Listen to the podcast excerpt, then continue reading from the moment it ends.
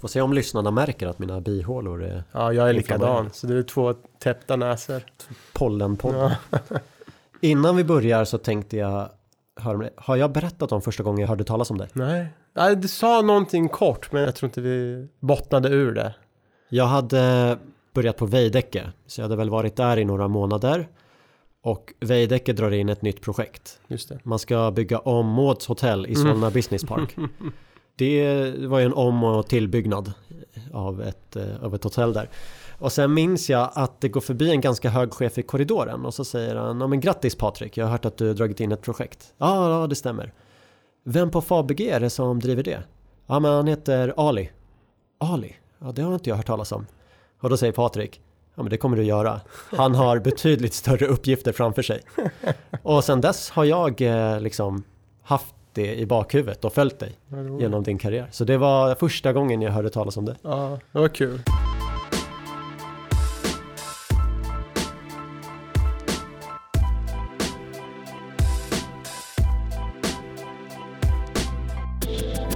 Första gången jag hörde talas om min nästa gäst var år 2012. Men det dröjde hela 10 år tills vi faktiskt träffades. Det var under förra våren och sedan dess har vi haft en hel del spännande samtal. I alla fall enligt mig. Men nu får ni chansen att avgöra om ni känner samma sak, för här kommer vårt senaste.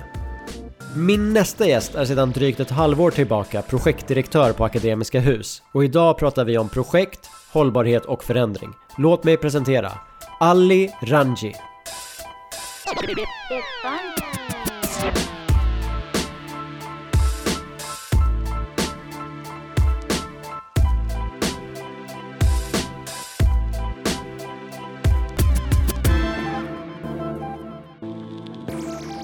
Varmt välkommen till hela kedjan Ali. Tack. Projektdirektör på Akademiska Hus sedan ett halvår tillbaka. Hur trivs du i nya rollen?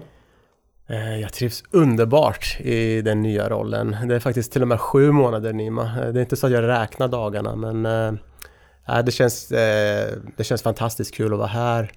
Stor igenkänningsfaktor i och med att det är ett stort fastighetsbolag och det, känns, det känns fantastiskt helt enkelt. Vad gör en projektdirektör på Akademiska Hus?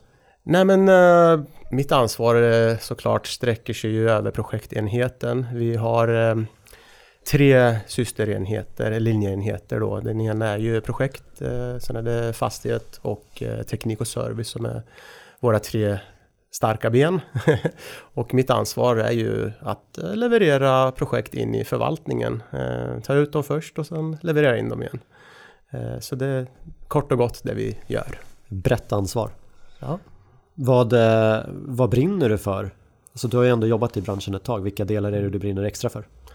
Ja, men det har, jag måste säga att det har ju liksom eh, på något sätt förändrats vad jag brinner för. Ehm, nu måste jag ändå säga, på, inte äldre dagar, men på medeldagar här nu så känner jag väl ändå att just eh, hållbarhetsfrågorna såklart är väldigt intressant och högt på min agenda. Ehm, och det kanske inte var så för bara några år sedan, eh, måste jag ändå erkänna, fastän det var uppe på tapeten då. Så att eh, stort fokus på det. Eh, då pratar jag inte bara eh, om det ekologiska utan social hållbarhet, kulturell hållbarhet som vi har här eh, högt på agendan. Eh, och såklart ekonomisk hållbarhet. Att det ska vara hållbart det vi gör i längden också. Ja, Den transformationen är ju väldigt kul att se. Alltså Mm. det har ju accelererat något otroligt de Mm. senaste åren.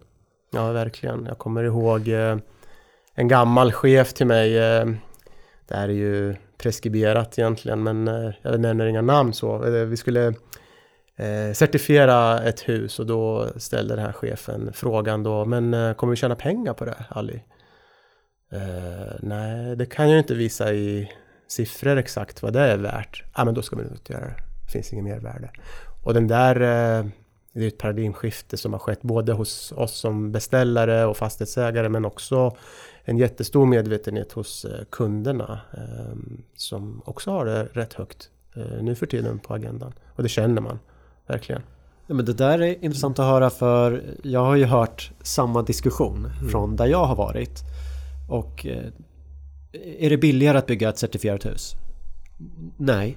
Men däremot så har ju marknaden hört det här. vissa aktörer de köper ju inte fastigheter som inte är certifierade. Mm. Så det kommer ju mer och mer och jag tror att man som medarbetare känner ändå en stolthet att huset är certifierat. Nej men absolut. Eh, det är som sagt en hygienfaktor idag och det är svårt att visa i kronor och ören hur mycket det är värt naturligtvis. Men eh, jag tror att ja, men kolla bara på taxonomin och den gröna finansiering och allt som, som liksom kommer in, alla de här instrumenten gör det ju omöjligt i princip att inte eh, certifiera och certifiering tycker jag väl liksom, det är ju en hygienfaktor som sagt nu för tiden. Så att, eh, ja, det blir mer så. Hur ser du på Akademiska Hus roll som eh, branschaktör? Där kan vi prata om både vad ni bygger för någonting och, och så, men, men också om ni i och med era ägare eh, har annat ansvar också. Nej men som jag var inne på, så vi har ju, vi har ju ett eh, ganska högt eh, ställt krav eh, när det gäller hållbarhet. Om vi tar det bara så är det ju, ja, men, det, det jag tycker är väldigt intressant är ju den här sociala aspekten, så den sociala hållbarheten som kanske inte eh, jag har väl inte funderat på det ur det perspektivet förut utan nu är det mer så, ja men förut var det hur får vi Eh, kidsen från eh, förorterna att aktiveras och eh, bli medveten om att det finns andra yrken än de val som man till vardags har. Det har varit den sociala hållbarheten för mig förut. Men idag pratar vi om hur mår våra studenter i, de miljöer som vi bygger och bidrar till? Hur, hur är den kulturella hållbarheten där liksom när det gäller konst och, och den typen av eh, detaljer liksom på campus. Så det är ett mycket bredare spann och som, som den samhällsaktör vi är så är det naturligtvis jättestort eh, krav. Eh, vi har stora krav på oss helt enkelt. Eh, från beställaren, eller från våran ägare som är staten. Sen har vi ju ett eh, speciellt branschläge just nu med, med stor osäkerhet. Mm. Är det någonting som märks på Akademiska Hus att ni ja, men, ska agera på ett visst sätt Alltså egentligen inte något så direktiv om du tänker så, utan det, det som det som märks är ju i, i, dåliga tider så finns det ju en naturlig tendens att folk eh, drar sig tillbaks till studier.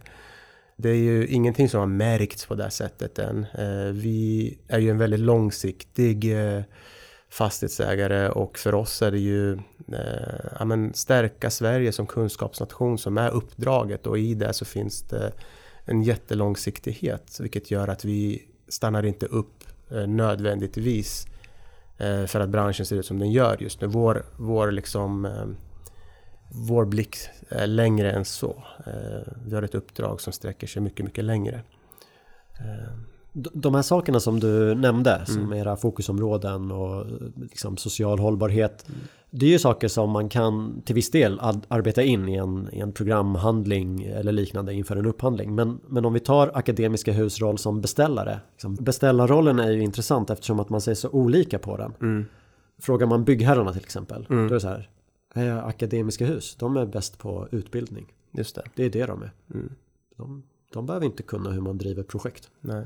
Och där med din projektbakgrund tänkte jag, mm. så hade det varit intressant hur, du ser på beställarens roll. Ja men jag förstår. Ja, men, eh, det, det, är klart att ser man på det stora hela så är det ju just eh, att stärka Sverige som kunskapsnation. Men det är klart att för att kunna göra det och för att kunna, eh, vi har ju fortfarande mål i våra projekt. Vi måste leverera projekt som är, är lönsamma och för att kunna göra det behövs ju naturligtvis en projektprocess som, som motsvarar Eh, Eh, det. Och jag skulle vilja säga snarare tvärtom att jag har varit på några ställen tidigare i min karriär och det är få ställen som har så ehm, eh, styrd process och väldigt specifik eh, projektprocess som, som det finns här. Vi är väldigt duktiga på att driva projekt som eh, ur ett beställarperspektiv och kravställande. Eh, så att, ja, jag håller inte riktigt med i den eh, liksom, tesen utan vi måste driva våra projekt på ett professionellt och hållbart sätt också såklart. Det är ju ändå en diskussion som jag möter rätt ofta. Alltså kombinerat med det var bättre förr. Mm. Så om jag ställer frågan vad var bättre förr? Då brukar, då brukar jag få höra att ja, men man var bättre på att ta ansvar. Alltså det var ganska klart vad beställarens ansvar var, vad totalentreprenörens var, vad underentreprenörerna nu är det mer att man pekar på varandra för att ju mer beställaren engagerar sig, man kanske efterfrågar skyddsrondsprotokoll eller så. Mm. Då blir det ju lätt att, ja men ni har ju sett dem. Ja. Alltså ni är lika med på det här. Eller om man har byggmöten och någon underentreprenör är sen. Mm. Då totalentreprenören tar kanske inte ansvar för det då, utan det är på beställaren. Eh, Hur ser du på det?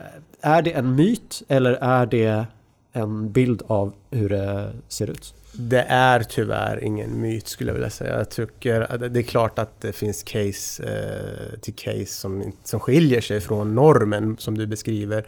Men jag skulle vilja säga att eh, ja, men de senaste 15 åren har vi ju faktiskt vridit, eh, vridits åt det hållet med eh, samverkan och den typen av eh, hybridlösningar egentligen som eh, Eh, funkar på både gott och ont. Jag är ju liksom god vän av, av det egentligen, det är inte så. Men eh, det finns ju något i det du säger för att eh, börjar man ta bort kravställan och, och liksom ansvaret från en totalentreprenör så blir det naturligt att man hamnar i de här eh, diskussionerna. Eh, det är oundvikligt skulle jag vilja säga. Men jag ser definitivt den trenden också att, eh, eh, att man eh, tunnar ut den linjen eh, som var ganska skarp förut. Och vad kan ni göra som beställare då för att fylla i den linjen? Ja men eh, vi gör ju ganska mycket som beställare skulle jag vilja säga. Framförallt sådana aktörer som, eh, ja, men, som vi själva. Vi är med i Håll Nollan. Vi var faktiskt med och skapade, startade upp Håll Nollan. Som en organisation för att ja, men, främja egentligen om arbetsmiljön på byggena. Vilket kanske för några år sedan man tyckte att ja, men det är ju totalentreprenören eller entreprenören, eh, det är dens uppgift, dennes uppgift. Så där har vi klivit in eh, ytterligare och, och tagit ännu mer ansvar än, än vad man förr gjorde. Vilket jag tycker är bra i grund och botten. Eh, vi har bara i närmsta dagarna här gått med i eh, Rättvist byggande. Ytterligare ett steg där vi går in i en organisation som, som vill förhindra arbetslivskriminalitet på våra byggen. Också ett ansvar som man tycker väl att som köper jag den tjänsten bör det väl ingå, tycker man. Men eh, tyvärr ser det inte eh, verkligheten ut så alltid. Utan eh, här har vi behövt ta eh, ytterligare steg och, och för att ta det, lite, lite mer av det ansvaret tillsammans. Så det är två konkreta exempel på, på saker som vi gör. Båda de är väl exempel på saker som beställarna gör nu Mm. men som om man ska hårdra det kanske ska ligga på entreprenören. Ja, ja, men så kan man ju uttrycka det faktiskt. Absolut. Jag ser ju dig som en riktig projektmänniska. Det är det du har varit för mig de senaste tio åren. Och så tänker jag nu är ju du projektdirektör. Så visst, projekt är med i titeln. Men jag upplever ändå att eh, du är lite längre ifrån projekten än när du var chef för produktionsstadsdel på Fabege och chef för projekt på Vasakronan. Är det korrekt? Eh, ja, det skulle jag vilja säga. Jag har ju alltid haft svårt att hålla fingrarna ur syltburken. Det är ju alltid, ja men projekt det är ju något jag brinner för ändå. Det tycker jag ju trots allt är det roligaste man kan syssla med. Jag är tredje generations bygg, byggare. Eh, farfar och pappa och, och, och så jag eh, till slut. Så att det är klart att det ligger i, i DNA någonstans och i ryggraden. Men eh, här gäller det verkligen att jag får ju jobba hårt med det själv att eh, faktiskt eh, leda via andra helt enkelt. Men det är svårt ibland för jag, jag brinner för frågorna. Jag tycker det är väldigt intressant och tack och lov har jag så härliga medarbetare här som eh, tillåter en viss eh, involvering utan att det blir för mycket såklart. Men så är det. Jag, jag, har glidit lite mer ifrån eh, det vardagliga eh, för att vara mer strategiskt inriktad just nu. Jag tänkte att vi ska komma in på Akademiska hus och Mm. lite mer konkret på din roll. Så om vi börjar med Akademiska hus. N- när du i rekryteringsprocessen, vad sa Akademiska hus att de skulle fokusera på? För jag antar att det är det ni fokuserar på idag, att man håller fast vid den strategin. Absolut. Eh, jag kom ju in i en period som eh, innebar en ny VD, en ny ledning, eh, en ny strategi. Vår strategi, den kortsiktiga är ju en treårig strategi där förädling egentligen av beståndet ligger högt. Där eh, campus som är attraktiva eh, ligger högt. Eh, Kundrelation ligger högt. Eh, Och i de eh, boxarna så tickar jag väl väl i, tänker jag, när, när man gjorde den rekryteringen. Sen är det ju Ja, men det är inte alltid tajmingen är helt rätt. eh, Liksom när man ska byta ett jobb. Jag hade ju precis börjat på mitt förra känns det som.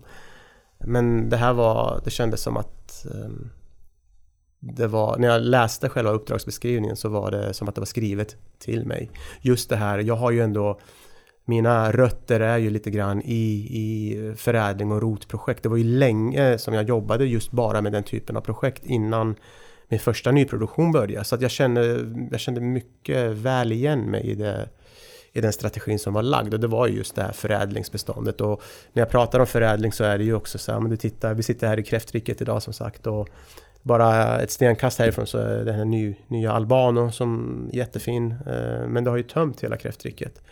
Så vi sitter på ett kulturellt värde som måste förädlas. Eh, och det var det som tilltalade mig lite grann. Eh, och det är inte bara här det ser ut så. Det är likadant i Solna, i Lund.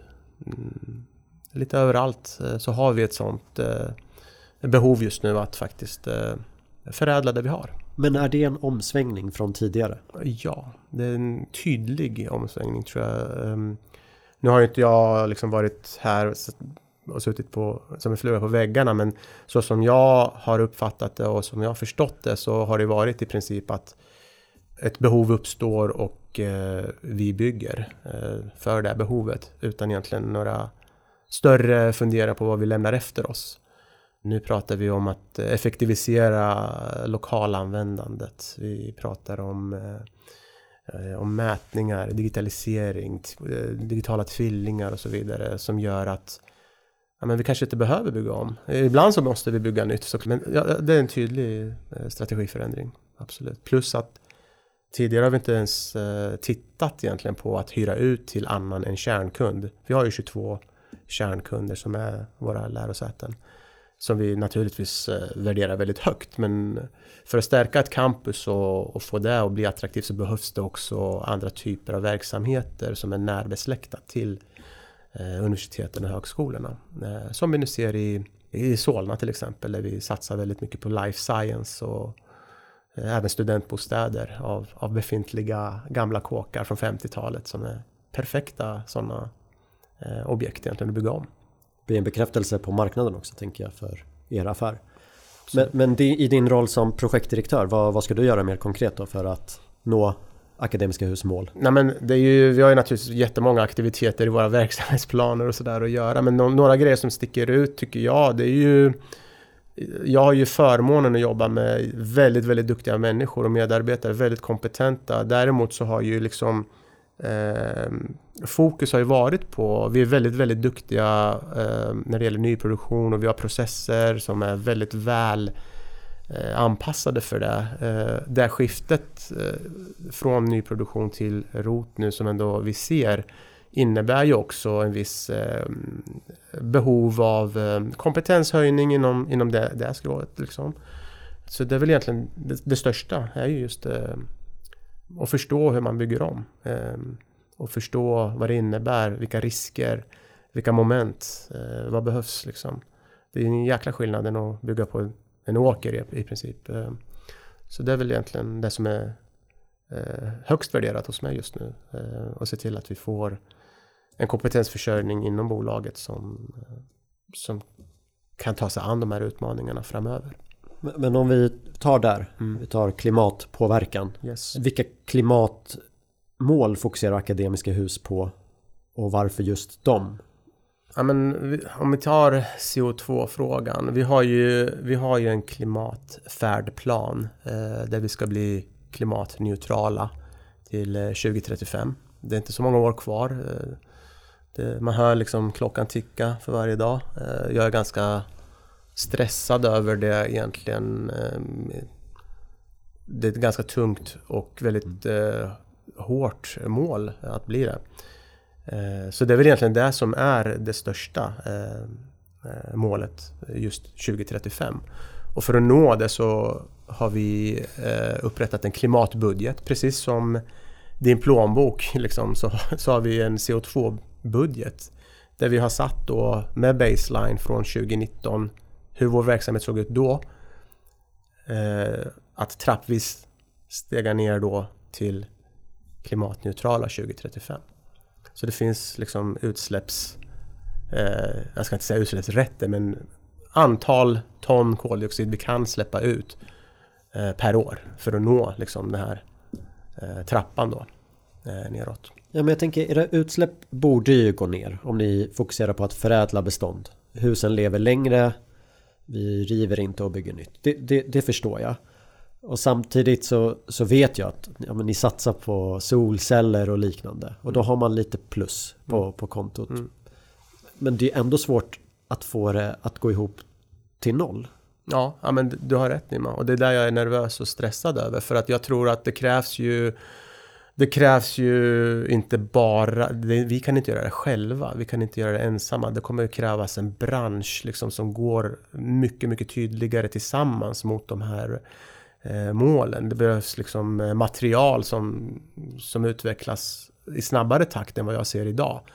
Eh, det behövs entreprenörer som, som kommer in och är ännu mer hungriga på att nå de här målen tillsammans med oss. Vi kan inte göra det själva. Det, det kommer aldrig funka så. Utan vi behöver verkligen hjälpas åt. Men ett alternativ är ju att köpa sig fri. Mm. Man, man, köper upp skog. Mm. Som inte ska huggas ner. Ja.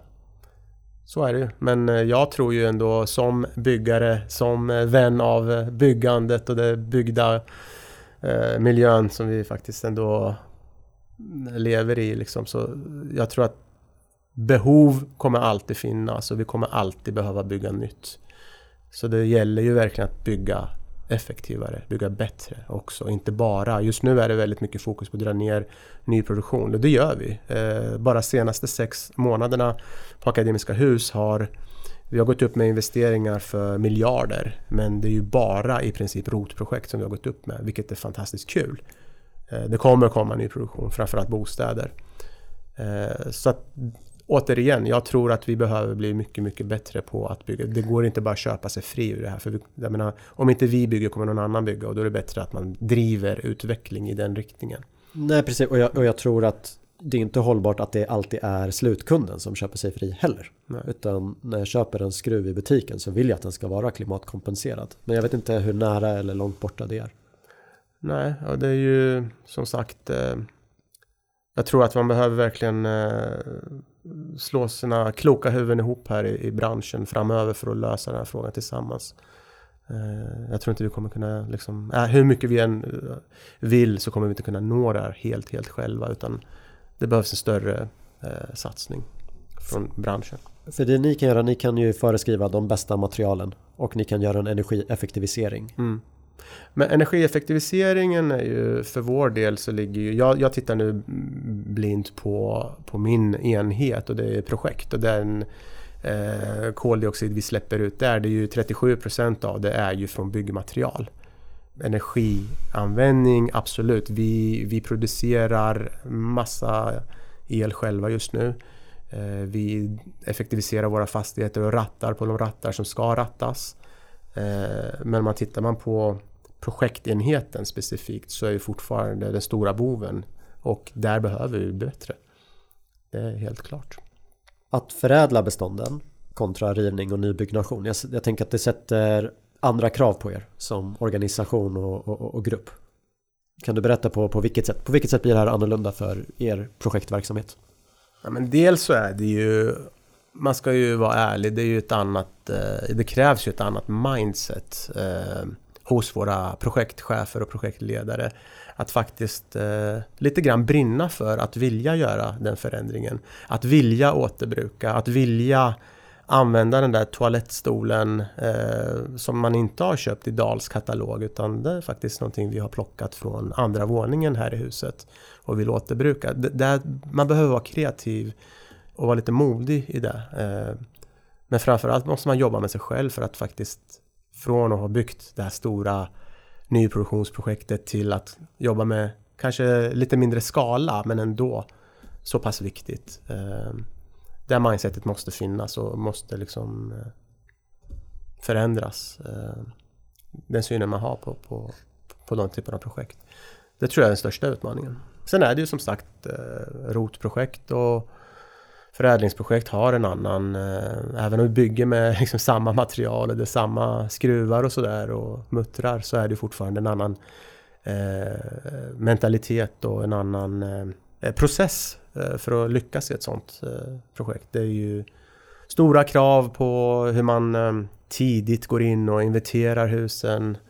Kanske till och med förstörande prover för att verkligen se att ja, men det där bjälklaget håller. Det kan vi se när vi gör de här förstörande proverna.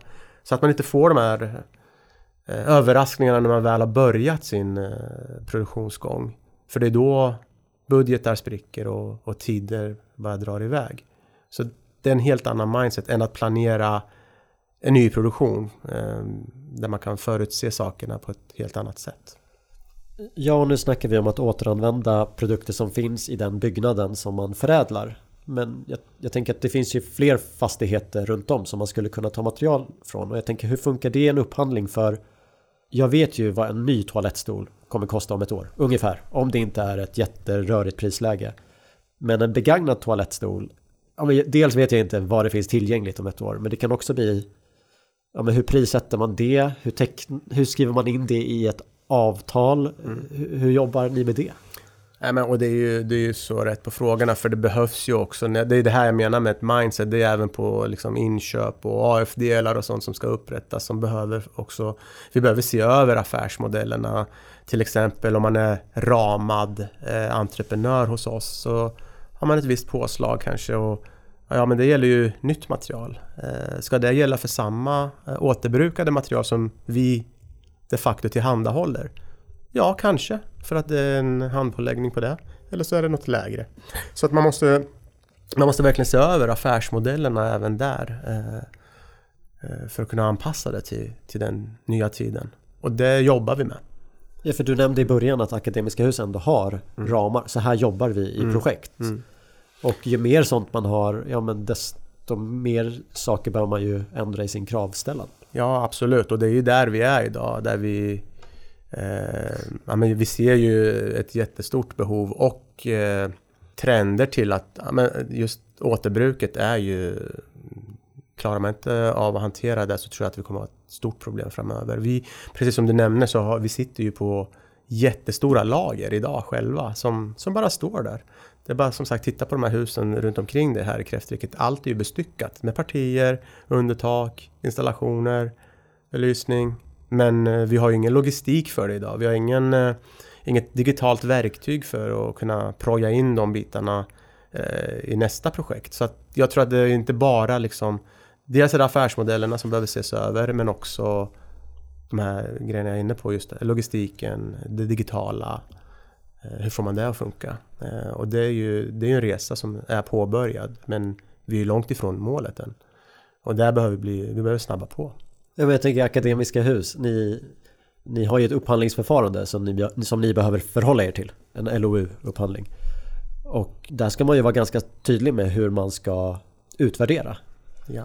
Och det är, ju, det är ju svårt att utvärdera ju mer osäkerhet det blir. Eller det kanske inte är svårare, jag gissar ju nu. Men när, när jag tänker det låter spännande men det låter också som en tuff utmaning. Nej men det är en tuff utmaning men jag tror att vi, vi är väldigt duktiga. Vi har, ju, vi har ju varit ålagda LOU nu sedan 2017 och faktiskt byggt upp en jättefin inköpsorganisation och den har vi väldigt stor nytta av. Och de är superkompetenta och kan verkligen hjälpa oss i våra projekt. Så att det är klart att eh, Eh, det är lite längre ledtider och det, men det ger också en möjlighet och chans till att för oss som projektledare och projektchefer att kunna faktiskt planera arbetena eh, mycket, mycket bättre. Eh, kanske till och med så att jag tycker ibland att på den kommersiella sidan ehm, så är de, ledtider, de finns ju, de existerar ju inte. Det är en kund som ska inom tre månader. Du skulle börjat igår. Riktigt så, den lyxen har vi eh, tack vare LOU. Så jag tror att det är snarare eh, en hjälp till att faktiskt kunna planera eh, arbetena mycket, mycket bättre än om vi inte hade det annars. För det har, man måste respektera de ledtider som den innebär med LOU.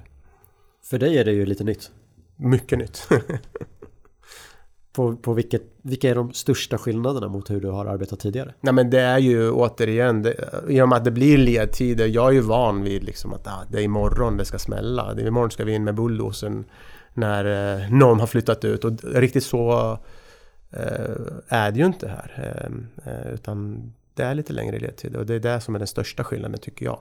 Sen tycker jag det är klart att man kan alltid kravställa i underlaget på ett väldigt eh, bra sätt men jag tycker att jag upplever att man har mycket större frihet att välja eh, Kalle eller Lisa hos en entreprenör. Att kunna välja A-laget eh, hela tiden och se till att man eh, omger sig med rätt folk.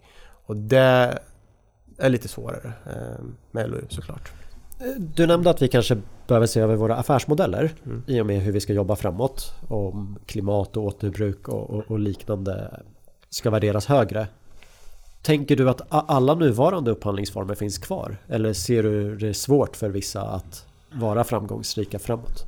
Givet de krav som ni har på er på Akademiska Hus. Jag tror att det är eh, att de absolut kan leva eh, kvar. Vi, du tänker säkert på ja, delade entreprenader, eh, totalentreprenader, generaler och så, eller är det, är det där du tänker? Jag tänker att det är lättare mm. om man har en samverkansentreprenad. Mm.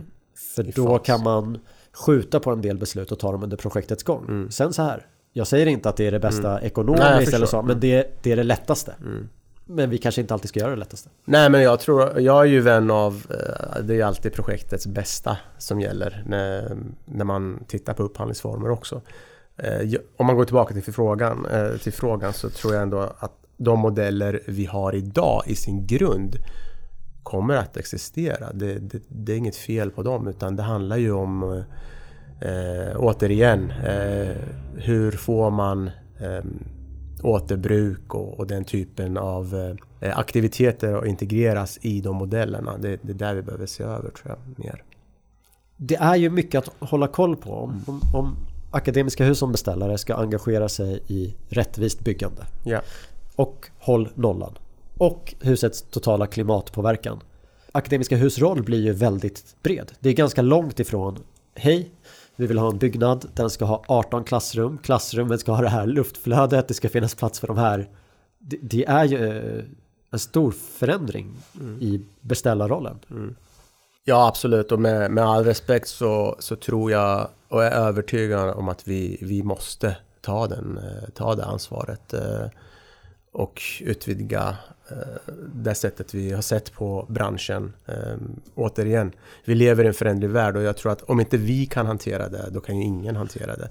Vi som långsiktiga eh, statliga aktörer måste kunna ta det ansvaret och gå i bräschen eh, för att få med oss branschen helt. Vad ska byggarna bidra med då? Ja men de ska bidra också såklart. Det är inte att de kommer undan något ansvar. Vi kommer ju kravställa eh, Eh, att, att det här efterföljs. Om vi, om vi tar rättvis eh, byggande till exempel så nu kommer vi gå upp med tre projekt där vi kommer eh, eh, granska, eh, se till att eh, det, det, sker enligt eh, organisationens regler och processer. och det är klart att om man inte vill jobba med akademiska hus under de premisserna så, så gör man ju inte det. Eh, men vill man ha ett jobb med oss då, då, måste man nog ställa sig in i det och då kommer det krävas en del även från entreprenörer. Vi har ju redan förändrat AF-delar eh, och så vidare för att passa de här nya. Håll nollan är också ett annat eh, exempel på där entreprenören behöver, behöver vara, bjudas upp till dans och dansa.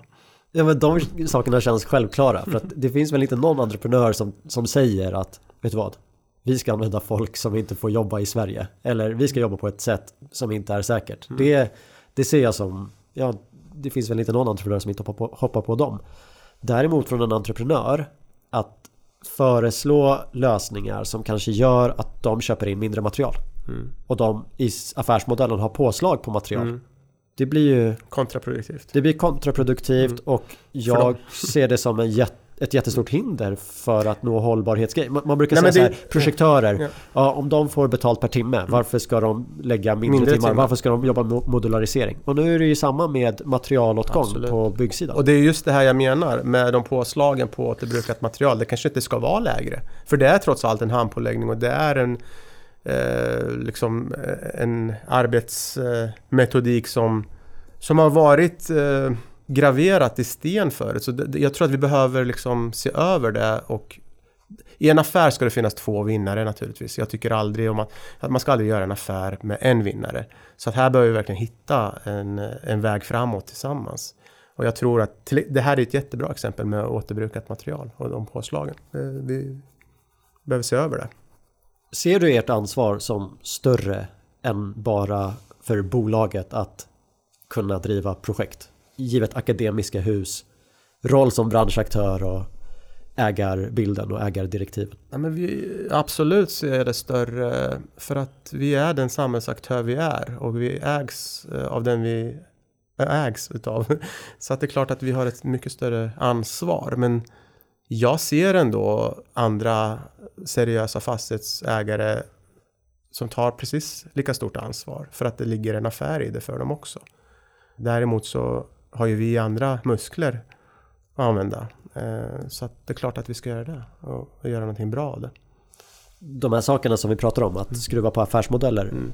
Är det någonting ni gör redan nu eller är, finns det i planen att vi ska jobba med det här men lansering sker? Nej, vi, vi jobbar kontinuerligt. egentligen är det inte så här jätte... Jag kommer ihåg på eh, mitt för, förra jobb på Vasakronan så, så började vi titta på de här grejerna. det här är säkert 4-5 år sedan. Så att, eh, mycket sker redan eh, idag. Eh, men, men, återigen, vi behöver hela tiden vara på tå och, och hitta de här eh, lösningarna framåt. Jag tror att ja, men återigen, tittar man på återbrukshubbar och, och den typen av eh, logistik så den existerar ju inte riktigt idag utan det är ju någon fastighetsägare som har ett litet lokallager någonstans i någon kåk, i någon källare. Eh, om vi kan industrialisera det, om vi kan, eh, det den, typ, den typen av processer tittar vi mycket, mycket eh, mer på just nu. Men eh, det här filosofiska pratet om affärsmodeller och så vidare, det, det, har ju, det snacket har vi ju liksom haft i många år nu. Eh, och jag ser även i våra avtalsformer att det är klart att eh, det implementeras. Men det behöver hela tiden förfinas och eh, uppgraderas. En annan sak är ju mätning. För det brukar jag fascineras av när jag får höra att, vet du vad? Byggbranschen, den har inte alls haft samma produktivitetsutveckling som fordonsindustrin. Och jag tänker så här, det är säkert sant. Men jag brukar också tänka, hur har de gjort de mätningarna? Mm. För jag har varit på byggen, jag har varit på ett entreprenadbolag. Mm. De detaljmätningarna finns inte. Nej. Inte i stor skala. Nej. Och det är väl någonting när man pratar klimatpåverkan. Att det är klart att du kan kolla på ritningar och ta ett generellt värde. Men det spelar ju också roll okay, Var kommer den här tegelstenen ifrån? Mm. Hur mycket spill hade vi? På arbetsplatsen, hur behandlades den? Har du sett någon utveckling där? För jag menar för att kunna bli klimatneutrala 2035 mm. Så måste vi ju veta var vi är idag. Mm. Och jag vet att Akademiska Hus har siffror i sina rapporter så någonting gör ni ju. Men jag känner också att för att kunna komma ner till noll mm. Då behöver ju den delen Absolut. bli mycket mer detaljerad. Så vad händer på ja, men Tack och lov så har vi ju fortfarande tid på oss. Det är klart att det inte är jätteoceaner av tid. Men det är klart att eh, förfiningar sker hela tiden. Eh, jag tycker fortfarande att vi jobbar schablon och, och grovt med, med vissa tal. Andra vet vi mycket mer om idag. Så att jag, jag tror att man får respekt för att det behöver sin lilla tid också. Vi har flera olika instrument där vi liksom mäter koldioxidutsläppet. Den är inte branschgemensam på något sätt idag. Där tror jag att vi behöver liksom komma lite längre i framöver. Så att du är rätt på frågan. Det är klart att uh, den är inte den är inte kärnkraftsnoggrann, de siffrorna, men är det inte good enough? Vet vi inte att vi har rätt trend på väg neråt? Och det kanske räcker just nu, men vi behöver ju vi behöver bli mycket, mycket bättre på det. Återigen, hela branschen. Det här är inget för bara Akademiska Hus, utan det, alla måste med. En sak jag tänker på nu när vi pratar om det här. Inte en enda gång har ju du sagt att regelverken behöver förändras. Visst, nu sa du att vi behöver göra på samma sätt, mm. men inte ett visst sätt. Det brukar annars vara en diskussion inom byggbranschen mm. när man pratar om att vi bygger för dyrt. Då är det så här, ja, men det är regelverken. Mm. Men du säger ingenting om det. Det är inte där ditt fokus ligger. Men det är klart att det finns eh, regelverk som, eh, som förhindrar eh, återbruk. Om vi tittar på, ja, men kan jag garantera det här fina träglaspartiet att det håller ljudklass enligt den krav som ställs.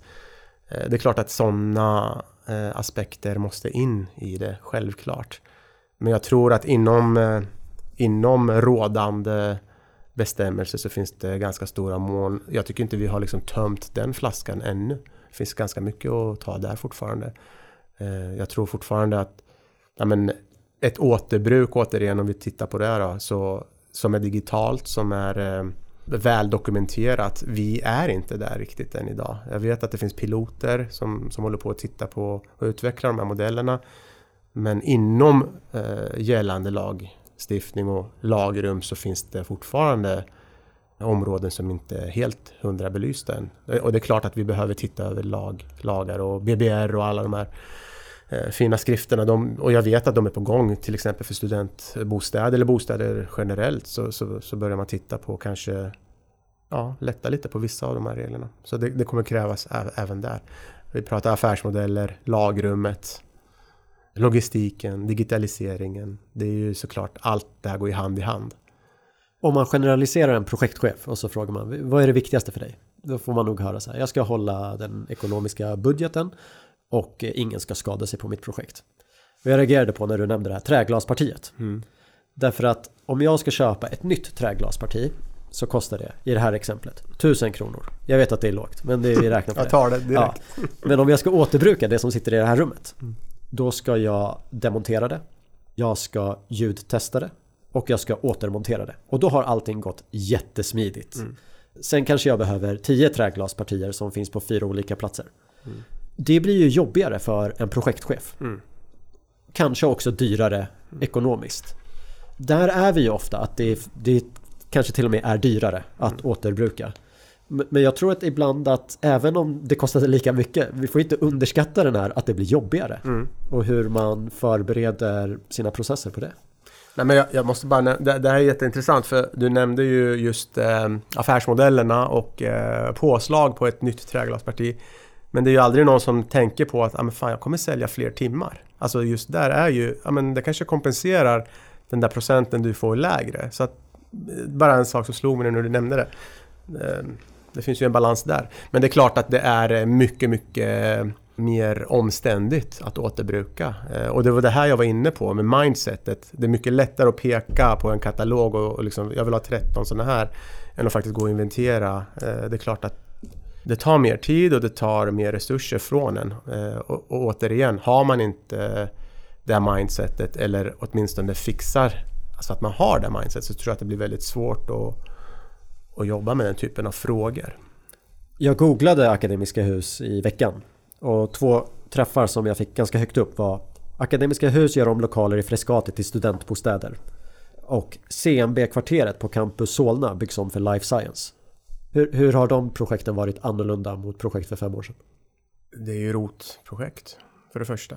Ehm, det har inte varit det största eller självklaraste alternativet. Det är ett.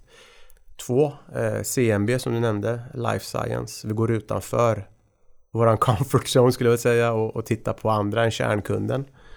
Vilket är våra lärosäten. Så det är den andra skillnaden.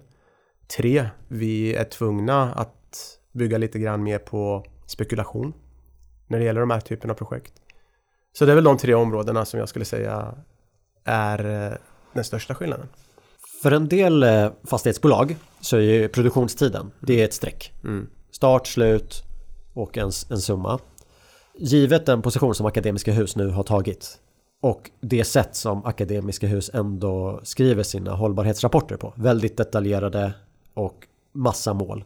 Och du har ju en hel del idéer. Vi har ju pratat om mätning och mm. att allt kanske inte syns. Vad är du själv intresserad av att kika lite extra på? Om vi, vi har pratat om material redan, men vilka andra delar inom produktionen skulle du vilja sätta siffror på? Ja, men tittar man på de här eh, klassisk, den klassiska triangeln med tid, kvalitet och kostnad så jag är ju alltid intresserad av alla de tre. Men det, triangeln har ju blivit en, en kvadrat numera med, med ett fjärde hörn som är hållbarhet.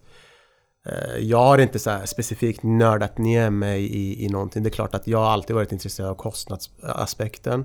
Framförallt nu när vi går in i den här typen av projekt med, med rot och förädling där eh, man kommer ju mäta såklart på, på de resultaten också. Så för mig är det eh, viktigt att titta, ha lite extra koll på, på den biten framöver. Eh, produktiviteten när det gäller tidplaner såklart också eh, Eh, kommer ju också vara... Vi, vi, på ett sätt så tjänar vi tid genom att vi har en stomme, vi har en fasad på plats redan. Men det här eh, hantverket att få en färdig projekt eh, på en given tid och kostnad, det, det, tror jag det kommer fortsättningsvis också vara stort fokus och intresse för mig. Vi har ju varit inne på dels att du är en projektmänniska men även att rollen i projekten kommer förändras. Det kommer vara mer att tänka på. Man har en ny parameter som är väldigt viktig. Klimatpåverkan. Om jag ska driva ett projekt. Jag ska driva det från programhandling till inflyttning. Och så gör vi om det här poddsamtalet till ett mentorsamtal. Och där jag ber om dina tips. Vilka saker ska jag ta med mig ut här från rummet? Mm. Det är så himla lätt att falla in på processer och eh, mallar och liksom hur duktig man ska vara på att planera. Allt sånt är för mig hygienfaktorer verkligen. Har man inte den biten så tror jag att man har det svårt. Jag är en relationsmänniska eh, från grunden, eller i grunden. Och jag har alltid värdesatt den kompetensen högst. Som den egenskap som en projektchef absolut högst ska besitta. I relation till kund, eh, i relation till eh, sina medarbetare på förvaltning, teknik och service, uthyrning, i relation till arkitekter. Relationer ska man vårda om. Eh, för att det är tillsammans man lyckas med. Det finns ingen one man show. Det, den tiden tror jag är förbi när man skrek upp hus eh, som den arga projektchefen. Utan jag tror att man kommer väldigt långt med fina, bra, sunda, goda relationer. Och dialoger och det goda samtalet, verkligen. Det, det är jag övertygad om och det har alltid varit ett mantra eh, i mitt liv liksom, eh, och min karriär. Så är det något tips jag skulle vilja ge så är det just att stärka relationerna, jobba gränsöverskridande inom bolaget, utanför bolaget eh, för att göra det bästa för projektets skull. Stort tack! Tack!